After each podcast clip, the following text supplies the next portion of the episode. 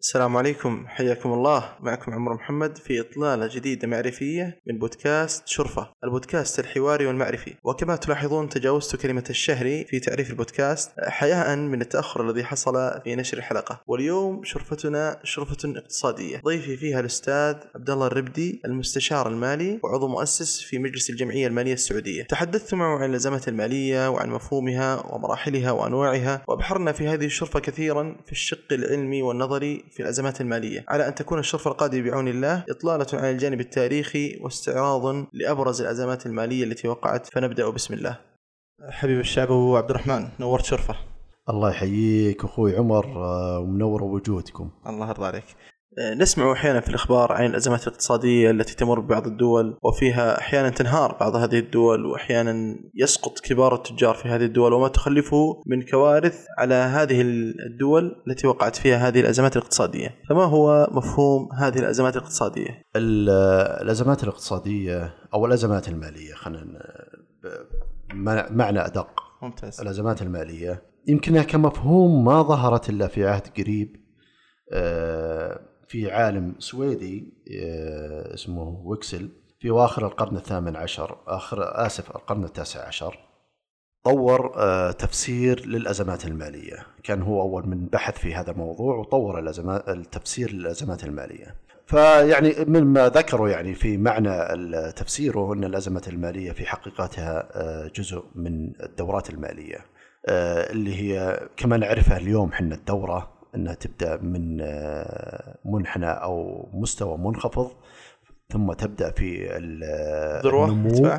حتى تصل إلى الذروة ثم تبدأ في الانحدار والانهيار. حتى تصل إلى القاع فهذه هذه تسمى الدورة الاقتصادية الدورة الاقتصادية هو يذكر إنه آه، تفسيره للأزمات المالية إنها تبدأ في هذه الطريقة أو هي نتاج لهذه العملية فهي جزء فإحنا في النهاية إحنا نتكلم عن الأزمة، الأزمة هي تقع ضمن الدورة المالية ممتاز. اللي هي ذكرناها في هذا المنحنى.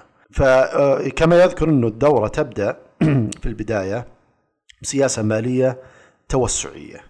إيش اللي يبدأ في في بداية إيش اللي يطلق شرارة النمو أو ال- ال- الارتفاع هو سياسة مالية توسعية. آه، طبعا تنطلق من آه، الاقتصاد الوطني أو من آه، سياسات الدولة. هذه السياسة المالية التوسعية أو المتراخية تعطينا في آه، تعمل على زيادة الائتمان، زيادة الائتمان يعمل على زيادة النقد وتوفر الأموال آه، لدى القطاع الخاص ولدى الأفراد، فبالتالي آه، سوف يقود توفر النقد لهذه القطاعات إلى زيادة الأصول. الاستثمار وثم زيادة الأصول. جيد. عندما يحصل عندنا زيادة الأصول هذه الزيادة تستمر آه، حتى تصل إلى نقطة هي تسمى نقطة الفقاعة أو مرحلة الفقاعة. بعدها إيه، هذ- هذه المرحلة إيه، كيف نعرفها؟ إنه يكون مستوى الأسعار لهذه الأصول لا يتوافق مع أساسيات هذه الأصول. بس التقييم العادل يعني. التقييم العادل يعني ممكن أن تفسرها آه، كيفما يعني شئت لكنه عندنا اليوم سعر للأصول. هذا السعر لا يتوافق مع أساسيات وحقيقة تقييم هذه الأصول. آه هذه عندما نصل إلى هذه المرحلة يمكن هذه المرحلة تمتد ترتفع تزيد تزيد الجاب أو الفجوة بين السعر وقيمة الأصل على حسب قوة الفقاعة. جيد. زين. حتى تصل إلى مرحلة لأنه ما في أصول زياده عشان كذا تصير هذه الزياده طبعا هنالك تفسيرات كثيرة ليش حصلت هذه. ممكن إحنا راح نتطرق إليها في حديث ممتاز. في حديثنا.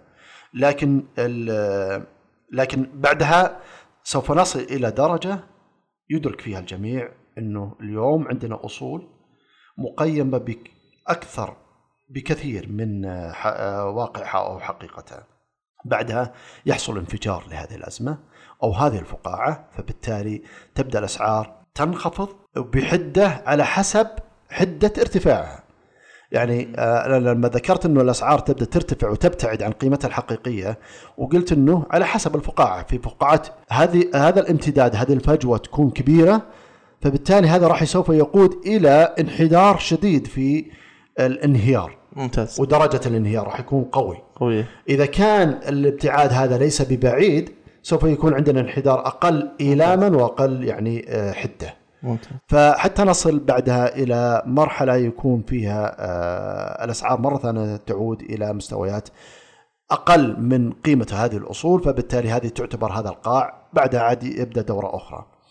آه، بعد تعريف اللي ذكرته قبل شوي للعالم يعني جاء عالم آخر آه، اسمه منسكي طور هذه ال- ال- النظرية وحاول يشرح ليش تتكرر الأزمات.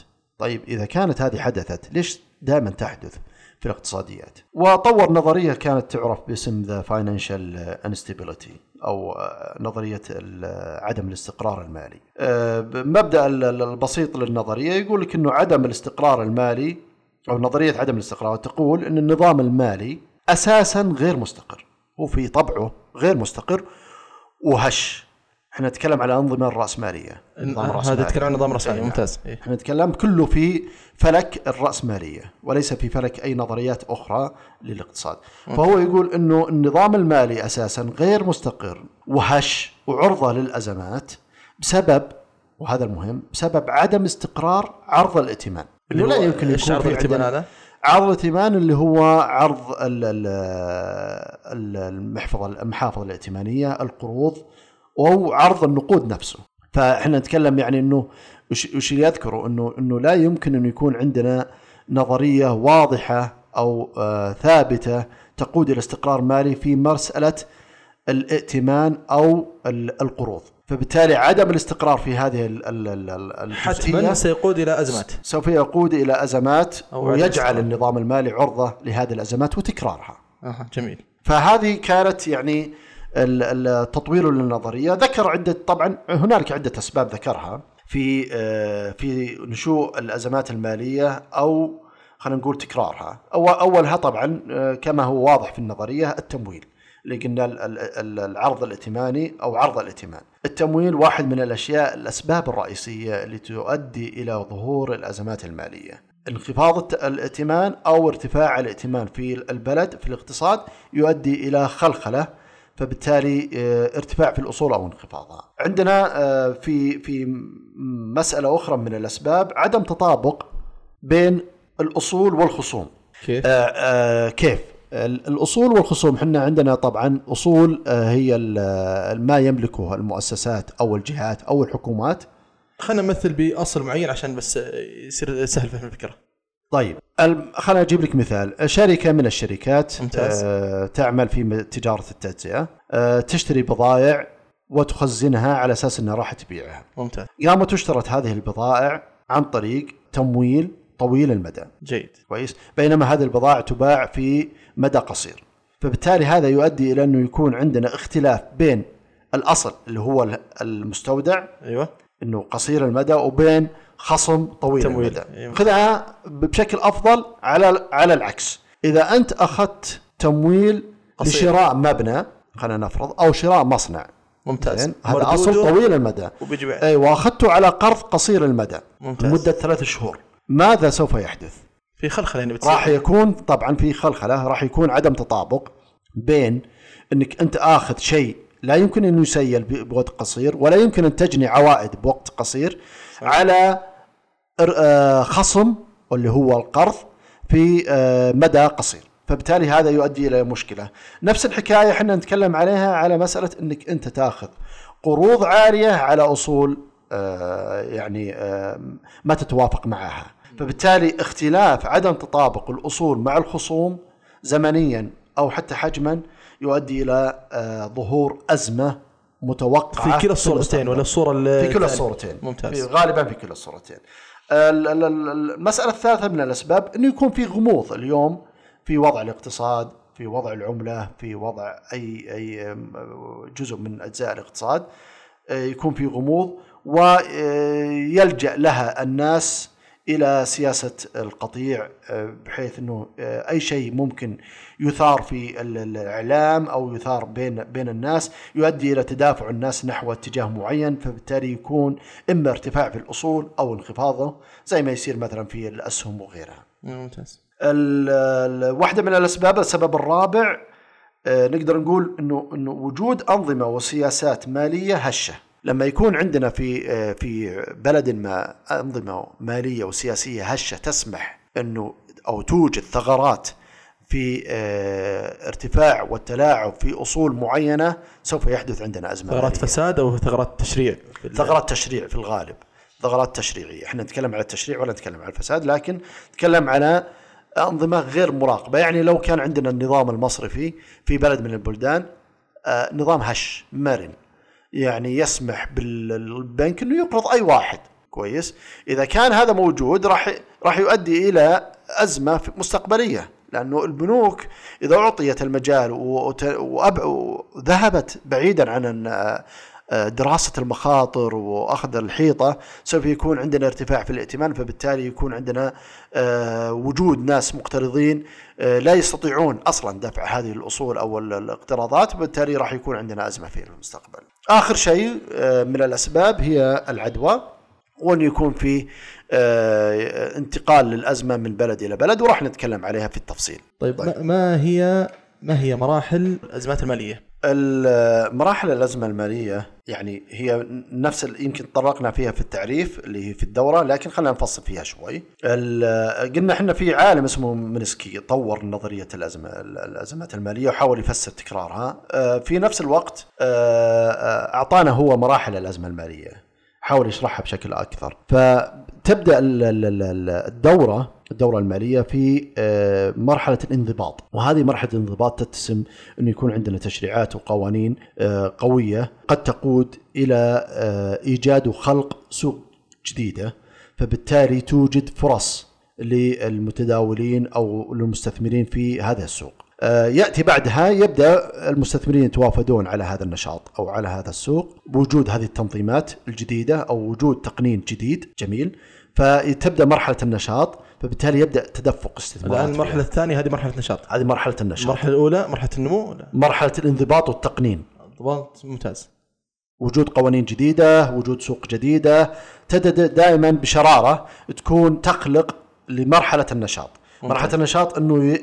إنك تضع مجال للمستثمرين يدخلون يعني خلينا نجيب لك مثال اليوم إحنا في السعودية قاعدين نخلق سوق جديدة وقوانين جديدة في مرحلة في في اقتصاد السياحة جميل. هذا الاقتصاد الآن راح يبدأ يستقطب المستثمرين. ممتاز. فراح يبدأ بدخول مرحلة النشاط. إيه، ممتاز. طيب. واضح. في مرحلة النشاط آه، هي تقسم لعدة مراحل لكن يبدأ فيها عندنا عملية ارتفاع الأسعار. ارتفاع الأسعار في الخدمات وكذا وكذا. يبدأ يكون في واضح أنه في هوامش ربحية جيدة. وفيه طلب على السوق هذا. في طلب في هوامش ربحية جيدة فبالتالي المستثمرين اللي لم يدركوا ما أدركه المستثمرين الأوائل يدخلون الآن. يبدأون يدخلون يتوافدون عليها فبالتالي يزداد كل فترة دخول المستثمرين بسبب إغرائهم بهذا السوق. بعدها نصل إلى مرحلة أكثر آه، نشاطا وهي مرحلة الهوس. أنه الجميع قاعد يشوف اليوم الأرباح العالية الموجودة في هذا السوق. الجميع يعتقد إنه هذه الأرباح مستمرة. فيرغبون أنهم يشاركون في هذه الأرباح فتبدأ أموال عالية وكبيرة تتدفق نحو هذا السوق فبالتالي تبدأ عندنا بداية مرحلة الفقاعة بداية مرحلة الفقاعة بحيث إنه تبدأ الأسعار ترتفع وأسعار الاصول هذه ترتفع حتى نصل إلى مرحلة طبعا يكون المستثمرين اللي دخلوا هذا السوق يزداد عندهم الطمع. يزداد عندهم الجشع. وهذه صفة ملازمة لمرحله لهذه لهذه المرحلة مرحلة الجنون. انه يكون الطمع عالي والجشع عالي حتى يعميهم عن إدراك المخاطر اللي موجودة فيها. فبالتالي تبدأ ال- الأسعار في هذه الأصول تبدأ تر- تبتعد حقيقة عن واقع قيمتها. أو قيمة هذا الأصل. ممتاز. نجي للمرحله اللي بعدها اللي هي مرحلة الأزمة ظهور الأزمة. هذه ظهور الأزمة مرحلة حساسة رمادية ما تظهر للجميع. من اللي يدرك هذه الأزمة؟ هم المحترفين والناس اللي داخلين في هذا القطاع من زمان عارفينه كويس؟ فهم يدركون إنه في شيء غلط قاعد يصير اليوم إنه في حاجة قاعد تصير مي بسليمة في في في وضع هذا القطاع. فبالتالي إدراكهم هذا يجعلهم إنهم يبدون يتخارجون أو يبيعون هذه الاستثمارات أو يبيعون الأصول في هذا القطاع. ليش؟ لأنهم عارفين إنه ليس سليم اللي قاعد يحدث الآن. وتخارجهم يسبب آه، سرعة في بداية الأزمة؟ خروجهم من السوق؟ هم بالعادة يخرجون بطريقة احترافية ما تظهر للجميع بسبب اللي ذكرت لك في البداية الجشع والطمع يعميهم عن إدراك المخاطر اللي قاعدة تصير يعميهم عن الصورة السلبية اللي قاعدة تصير. لأنه كل ما زاد عندك الجشع يزداد عندك البحث عن الإيجابيات ولا تناظر السلبيات. فبالتالي هذه الأزمة فقط المحترفين فقط الناس اللي يسمونهم صناع في في هذا القطاع اللي لهم باع 20 30 سنة عارفين حقيقة هذا القطاع هم اللي يدركون ماذا يحدث. مثلا إيه، لو لو رجعنا بالزمن يعني أزمة 2006 في سوق الأسهم السعودية. اللي دخلوا في في سوق الأسهم خلال ثلاث أربع خمس سنوات ما ما هو ما يعتبرون محترفين. لكن ال- ال- اللي كانوا ذاك الوقت يعتبرون شيبان يعني اللي هم صناع في سوق الأسهم اللي كان لهم 20 25 سنة اللي أدركوا السوق يوم كان مبادلات آه، شهادات أسهم. هذول كانوا مدركين في مشكلة. كثير منهم من الأسامي الكبيرة طلعت في عام اخر 2005 أو في منتصف 2005 لأنهم عارفين إنه كان في مشكلة كبيرة. فهذه واحدة آه، من أو واحدة من أهم المراحل الحساسة وهي رمادية وجود الأزمة. بعدين نصل إلى مرحلة النفور أو مرحلة انهيار الأسعار أو انفجار الفقاعة، وهذه مرحلة يراها الجميع، يدرك الجميع انه إنه حصل أزمة، حصلت مشكلة. تؤدي إن الجميع يرغب في البيع يبغى يطلع بأقل الخسائر الآن يبغى بس يصفي فبالتالي يصير في تدافع في عملية البيع آه، يؤدي إلى الضغط على الأسعار فبالتالي تنهار آه، بشكل آه، سريع. وزي ما قلت لك الحدة ودرجه الانهيار تكون على درجة آه، الفقاعة. آه، آه، حجم الفقاعة. عفوا أبو عبد الرحمن بس هنا في استطراد بسيط. إحنا كلامنا كله على النظام الرأسمالي. الأنظمة الأخرى مثل النظام الاشتراكي. هل تحدث فيه مثل هذه الأزمات؟ وبنفس هذه المراحل والتسلسل؟ هو كله أزمة. يعني مثلا النظام الاشتراكي كله أزمة أصلا. زين. يعني ما أدري عنها يعني ما أقدر أعطيك يعني رأي كامل. يعني ما عندنا يعني نظريات واضحة. إلى اليوم ما في عندنا نظام أثبت جدارته غير النظام الرأسمالي.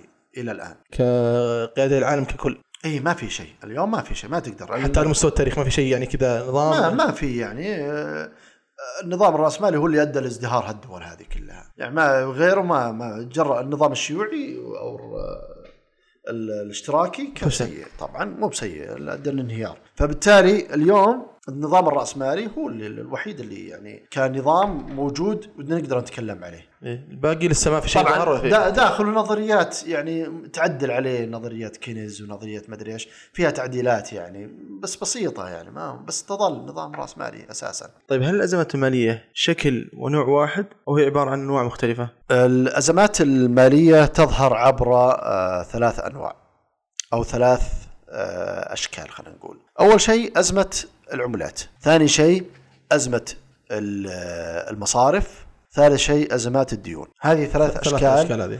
ثلاث أشكال تتكون عن طريقها الأزمات. المالية. آه، أزمة العملات يعني إنه يكون عندنا أزمة في العملة تحدث عبر ثلاث نماذج. ممتاز. اللي هي؟ أول شيء إنه يكون عندنا هجوم مضاربي من قبل المضاربين في أسواق العملات بدافع أو مدفوع بسبب التوقع بحدوث تغير في نظام سعر العملة. يعني هم يتوقعون إنها بترتفع وتنزل فيصير في شراء نعم. اقبال زايد في بالعادة هذا يكون الهجوم على العملات المثبتة المدعومة من النظام آه، البنك المركزي. أنا أجيب لك مثال. عندنا في السعودية الريال السعودي مثبت قدام الدولار ممتاز 3.75 تمام هذا النظام آه ثابت بسبب ثبات الدولار. لا غير صحيح ثابت بسبب آه ثبات ود- ودعم مؤسسه النقد له. مؤسسه النقد تقول أي واحد معاه آه دولار أنا بعطيه 3.75 ريال. والعكس صحيح. ومو شرط إنه هذه القيمة الفعلية هو عشان في مؤسسة تدعم. في مؤسسة تدعمه. ليش؟ المصالح وهذه لها حسابات أخرى ما ودنا ندخل. فيها. لكن نظام آه يسمى سعر الصرف ثابت. جيد جيد. وهذا موجود في أغلب دول الخليج آه، وكذا دولة في العالم. لكنه طبعا الآن بدأ يتقلص يعني لأنه مكلف على الدولة أنها تثبت السعر. عموما لما يكون عندي أنا سعر ثابت هذا يخلي عرضة للتكهنات والمضاربة. عندنا في الريال السعودي هل حصل هذا الكلام؟ حصل في عدة مستويات وكل آه، يعني مرحلة يصير عندنا. يعني آخرتها يعني كان في عام 2019 في 2018 اللي هو نزلت قيمة الريال أو لا لا لا يحدث مضاربات على الريال السعودي لأنه مراهنة. ثابت. نعم مراهنة من المضاربين إن إن الحكومة السعودية سوف تخفض سعر الريال مقابل الدولار طيب ليش يحصل هذا خلني بشرح أكثر ليش يحصل المضاربة هذه أو ليش هم ليش يتكهنون بهذا أي الشيء؟ لماذا يت- يتكهن المضارب بهذا الشيء؟ لأنه يرى يتابع الوضع الاقتصادي في البلد. فلما كان عندنا إحنا في 2016 مثلا و2015 2016 لما انخفضت أسعار النفط وكان عندنا ارتفاع كبير في ال- ال- الموازنة أو ميزانيه الدولة. فبالتالي هذا يؤدي إلى أن الدولة آه، على المستوى أو المدى البعيد لن تكون قادرة على الإيفاء ب آه، النفقات على آه، ضوء انخفاض أسعار النفط. فواحدة من الحلول إما طبعا إنك تخفض النفقات أو إصلاحات مالية ولكن واحدة من الحلول إنك تخفض سعر الريال مقابل الدولار. فبالتالي يكون الدولار ما يجيب 3.75 ريال يجيب 4 ريال مثلا. ممتاز. وش يفيدك هذا؟ يفيدك إنك أنت قاعد تبيع النفط بالدولار فتأخذه وتدفع الرواتب بالريال. وإحنا نعرف إنه أكثر إنفاق الحكومة بالريال. فبالتالي أنا راح يكون عندي تخفيض. الريالات أكثر أدفعها لأني أنا ما راح يعني أزود الرواتب. زين اللي راتبه 10000 لما كنت أبيع البترول كان يكلفني مثلا خلينا نفرض سبيل المثال يعني ممتاز. إنه يبيع إذا عشان أدفع راتب مواطن 10000 ريال كنت أبيع ثلاث براميل بترول مثلا ممتاز لما غيرت سعر الصرف أصبحت أدفع له برميلين ونص. برميلين ونص ممتاز يعني هذا بس أجيبها كتبسيط لا مثلاً. ممتاز تبسيط حلو فهنا ال- المضاربين يتوقعون لما صار النزول أسعار النفط و- وبدأت يعني المملكة تعاني من هذا الموضوع تكهنوا إنه الدولة راح تقوم بخفض سعر الريال فبالتالي زادت المضاربة على على الريال إنه سوف ينخفض. المضاربة تكون بالبيع ولا بالشراء تكون في طبعا مب- مضاربه إنه يكونون يبيعون الريال ويشترون دولار. جميل؟ على أساس بعدين يرجعون ويعدلونها فطبعا في لها آلية معينة لها أداة آه، مالية آه، معينة هي اللي يتم عن طريقها المضاربة اللي هي ال- فروقات الأسعار المستقبلية. عموما هذه حصلت ما هي بأول مرة حصلت كثير وحصلت في آخر التسعينات لما انخفضت أسعار البترول بشكل كبير أيام الملك فهد الله يرحمه. كان في مضاربة عنيفة عنيفة جدا وكان وضع الدولة ماليا أسوأ بكثير من ال- الأوضاع اللي كان عليها في 2015 2016 كان سعر البترول منخفض جدا كانت الاحتياطيات منخفضة وكان الديون على الدولة كانت عالية جدا. فبالتالي كانت المراهنة ذاك الوقت تبدو صحيحة. إيه. زين؟ لكن آه، مؤسسه النقد دافعت عنها بشراسة وكان في مضاربين عالميين من جورج سورس وغيره يعني كان في ناس قويين على مستوى خارج الدولة دخل. خارج عجيب. الدولة نعم وبنوك عجيب. لكن آه لم تنجح رهاناتهم عليها وهذا كان يسبب ضغوط على المالية أنها تشتري هذه الدولارات هو يعني يعني تاخذ منهم الريالات تعطيهم الدولارات. فبالتالي كان هذا ضغط على على على ال- المركز المالي السعودي لكن في النهاية لم ينجحوا. يعني لو فكوا الجزء من الارتباط هذا كان ممكن يربحون آه، طبعا. يربحون مليارات راح يربحون منها مبالغ ضخمة. فهذا الهجوم المضاربي اللي آه، يكون مدفوع بتوقع تغير نظام سعر العملة. على فكرة يعني ال- ال- المضاربات على آه، تكهن خفض قيمة العملة يعني نجحت في في كثير من ال- ال- العملات. يعني لعل الحادث الاشهر على مستوى العالم وإلى هذا اليوم يعني آه، وكونت سمعة للمضارب جورج سوريس آه، اعطته سمعة انه إنه الرجل الذي كسر ال- البنك المركزي ال- الإنجليزي حدثت في عام 1992 يوم كان آه، يراهن على اخذ أخذ مراكز آه، يسمى أخذ مراكز على بيع الاسترليني آه، كان يراهن على إن البنك المركزي البريطاني أو إنجلترا انه إنه راح يخفض من قيمه يضطر إنه يخفض من ال- الاسترليني بسبب ارتفاع التضخم لدى ال- ال- الاقتصاد البريطاني أكثر من نظيره في ال- الاتحاد الأوروبي اللي كان يربط ال- ال- الجنيه الاسترليني بمعادلة سعر ثابت مع هذه العملات. فبالتالي كان يرى أنه هنالك فرصة وراح يكون في انخفاض لا محالة إلى حد أنه أخذ مراكز ما قيمته 10 مليار pound في ذلك الوقت بيع. مراكز؟ مراكز إي نعم. يعني أت... يعني سوى عمليات بيع بما قيمة أها. 10 مليار pound آه، استرليني. آه، بالنهاية نجح. فعلا آه، حصل إنه إنه اضطر ال- ال- البنك إنه يخفض من سعر آسف من سعر الفائدة من من آسف من سعر العملة وبالتالي حقق منها مليار مليار باوند أو مليار دولار في وقت واحد. في صف التخفيض من هذه الصفقة. مليار واحد فقط. مليار. إي نعم. لأنها يعني بالنهاية إيه. بالنهاية هو لم يراهن بكل مبلغ وهذا مو بمبلغه هذه المبالغ أخذها آه، يسمى تسهيلات بنكية في في الفوركس. فبالتالي ال- ال- الربح الصافي له هو مليار بينما هو يمكن ما دفع كل آه، من من حسابه الشخصي مليار. عرفت فهو عليك. حقق مبلغ يعني حقق فيه شهرة بعد في فيما بعد صفقة إيه. نعم. ال- الحالة الأخرى النموذج الآخر هو وجود مضاربات آه، بحتة آه، بسبب توقع الجميع أنه يوجد فيه مضاربة. فما يكون لها سبب معين أنه أنه يكون في مضاربة على العملة. ال- الث- النموذج الثالث وهذا يمكن أكثر شوي تعقيدا أنه يكون في تحليل مالي آه، للمراكز المالية للشركات الكبيرة في البلد والوضع المالي للدولة بحيث أنه الواحد يقدر آه، يتوقع أنه راح يكون في أزمة أزمة عملة في في البلد.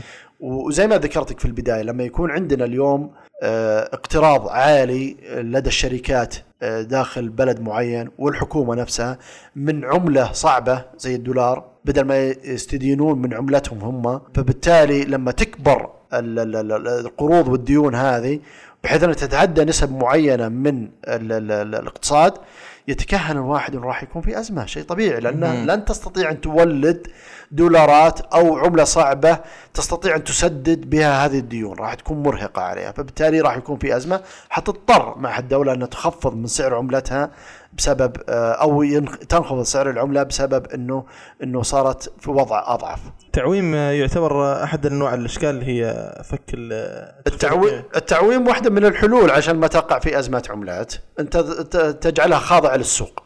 فبالتالي ما يكون في عملية آه، دفاع عنها بالتالي ما تكون منهكة لك لكن طبعا متعبة لل- للمستثمرين والتجار إنه العملة تتغير بشكل سريع أو تكون غير مستقرة. ال- هذا بالنسبة العملات هذا. لازمه العملات. آه، نروح للازمه الأخرى اللي هي أزمة المصارف. أزمة المصارف آه، تظهر في إحدى أمرين أنه يكون عندنا عمليات اندماج آه، في بداية الأزمة. أو إغلاق أو استحواذ بين القطاع نفسه. يعني يجي بنك يستحوذ على بنك آخر قط- يعني تصير عمليات اندماجات في في بين البنوك. هذه بداية أنه يكون فيه شيء ما قاعد يحصل في هذا القطاع. طب هذه بداية أزمة؟ يعني مثلا الحين مقبلين على أزمة على اندماجات في البنوك هنا في السعودية. طبعا تكون بداية إنه فيه حاجة لهذا الاندماج. هو إذا كان في حاجة معناه إنه يكون في قد تكون في أزمة واحد من البنوك هذه قد يكون عنده إشكالية. يعني خلينا نجيب مثال. يعني لما صار في اندماج أو استحواذ مثلا البنك المتحد على بنك القاهرة بعدين بنك سامبا عليهم كلهم كان في مشاكل بهذه البنوك الصغيرة. فكانت هذه بداية أزمة لكن لم تتطور بسبب إنه النظام المصرفي في السعودية يعتبر واحد من أقوى الأنظمة المصرفية في العالم. ف قد لا يسمح بتشكل أزمة بين البنوك لكن هذه نجدها كثير في بلدان عندها البنوك عددها كبير. تلقاها 50 70 80 بل بالمئات زي أمريكا البنوك اللي موجودة لديها. بنوك صغيرة متناهية الصغر. فتظهر هذه القضية إنه في بنكين يندمجون ثلاثة أربعة فمعناه إنه في بداية أزمة متشكلة في هذا القطاع. ال ال ال الوضع الآخر والصورة الأخرى بس آه، عفوا هذه تتطور إلى أزمة في البلد آه، ولا تبقى أزمة في القطاع في القطاع المالي، لا تبقى أزمة في القطاع المالي. ممتاز. وهذه واحدة من أوجه الأزمات المالية. إي ممتاز جيد الوجه الآخر من آه، عمليات أزمات المصارف إنه يكون عندنا عمليات استحواذ أو تأميم من القطاع العام للقطاع الخاص يعني تيجي الحكومة وتقوم تامم واحد من البنوك.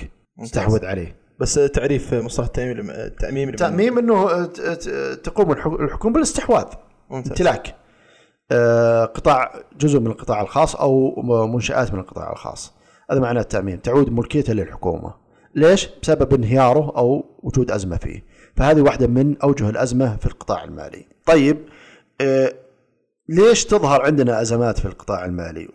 وهي واحدة من آه، يعني أسوأ الأزمات إذا ظهرت. تكون غالبا بسبب عدم وانعدام الثقة آه، وتظهر خصوصا في الدول اللي يكون عندها آه، أنظمة ضعيفة أنظمة مصرفية ضعيفة. فيظهر انعدام الثقة. الناس ما هي بواثقة في النظام المصرفي. لما يكون الناس ما هي بواثقة في النظام المصرفي معناه إنه راح يكون عندنا انهيار في هذا النظام أو لوجود أي سبب راح يكون في انهيار ينتج عنه إيش اللي عدم الثقة؟ إذا ما أنا ما وثقت في النظام المصرفي إيش ينتج عنه من تصرفات أنا كقطاع خاص أو أنا كفرد في في هذه الدول؟ آه يؤدي الازمه اقصد يؤدي الازمه راح يكون في طلب للودائع والحسابات. آه بكم؟ سحب. اي سحب جيد ممتاز. جميل. السحب هذا راح يؤدي إلى انهيار البنك.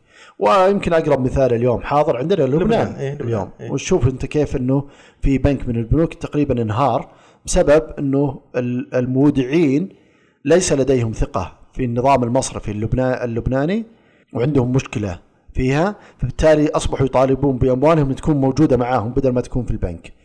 عندما حصل التدافع انهار البنك. فهذه واحدة من الأشياء. ليش صارت في لبنان؟ لأنه النظام اليوم أو الوضع اللبناني سيء اقتصاديا فبالتالي ما في ثقة ونرجع مسألة الثقه فكل العملية النظام البنكي لا يمكن أن يقوم إذا ما كان في ثقة. إنك أنت هذا البنك راح يستمر. جيد. آه طبعا قلنا إنه إنه الرقابة إذا كانت ضعيفة كذلك قد تكون في ثقة لكن النظام الرقابي في البلد زي مؤسسة النقد عندنا إذا كانت ضعيفة في الرقابة على البنوك سوف تنشأ أزمة فيما بعد. فكلما كانت الرقابة قوية كلما كان في أه، إحساس بالثقة ووضع أه، ائتماني ووضع بنكي جيد.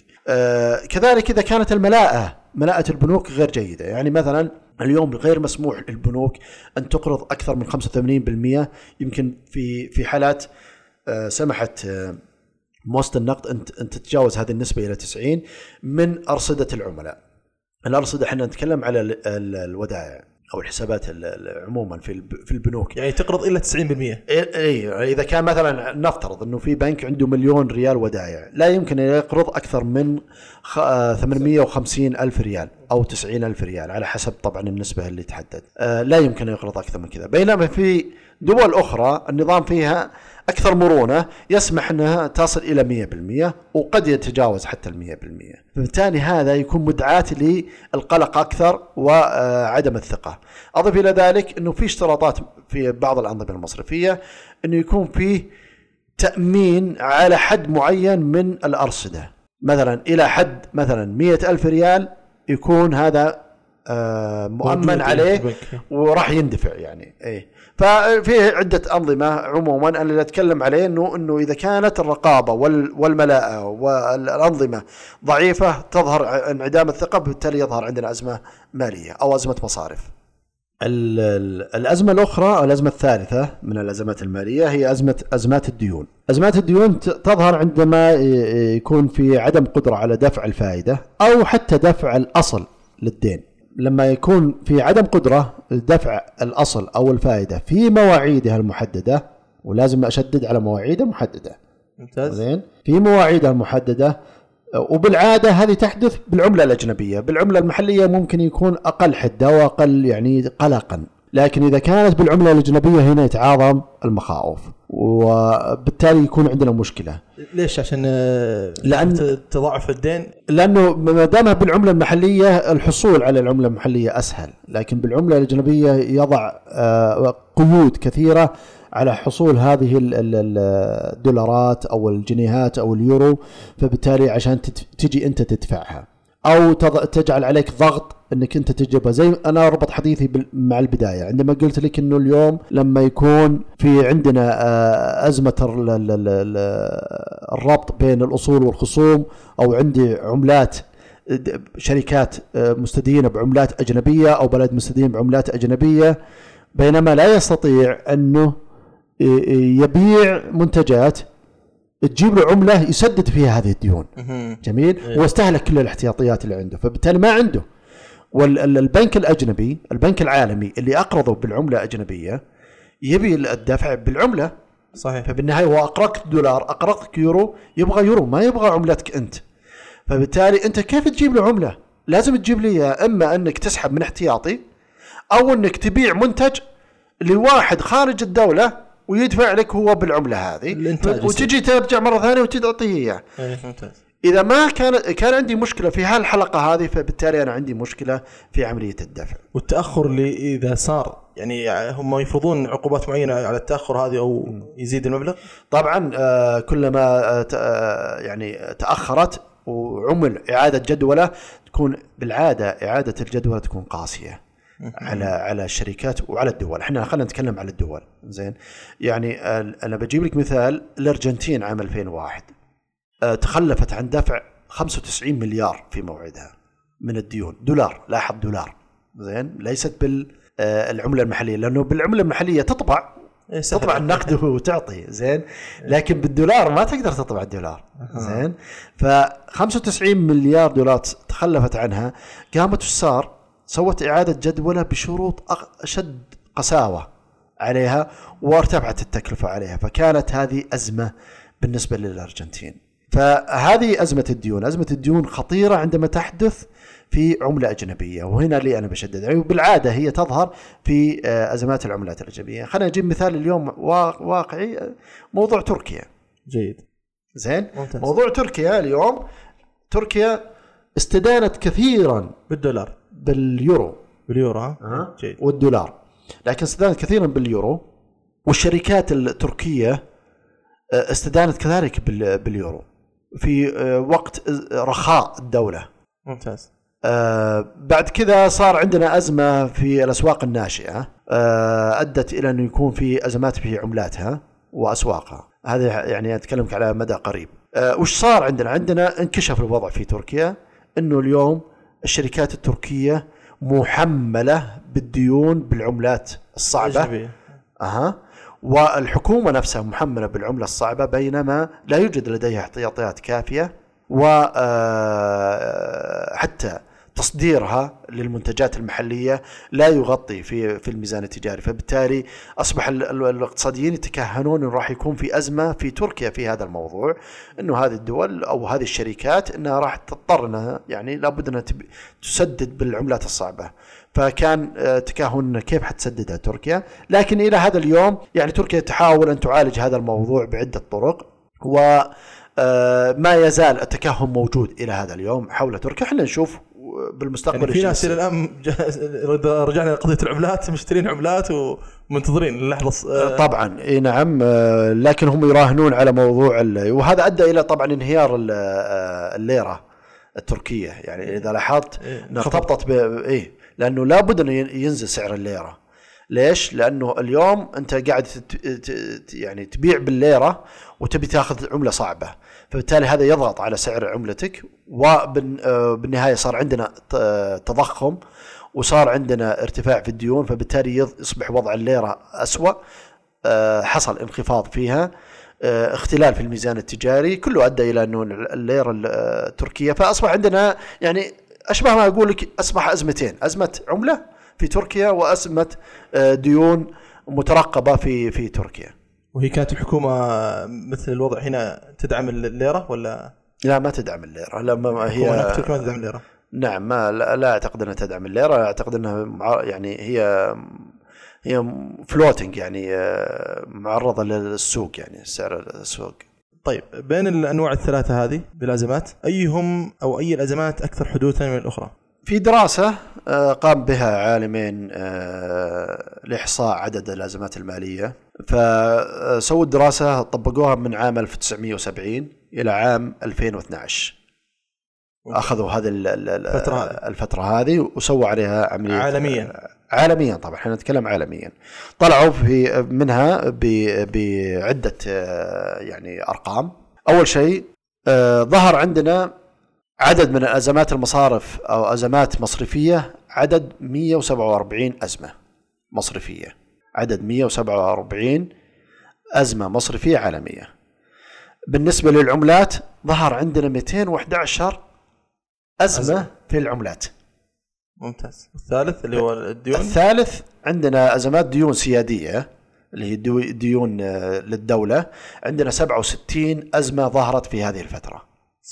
طبعا هم احصل الأج- العملات الأجنبية ولا والعملات المحلية أو فقط العملات الأجنبية؟ إحنا نتكلم على أزمة فقط. إحنا ما نتكلم على يعني آه، تفصالها عملة أجنبية ولا غير إيه. اجنبيه إحنا نتكلم على أزمة. أزمة ديون أزمة عملات أزمة مصرفية.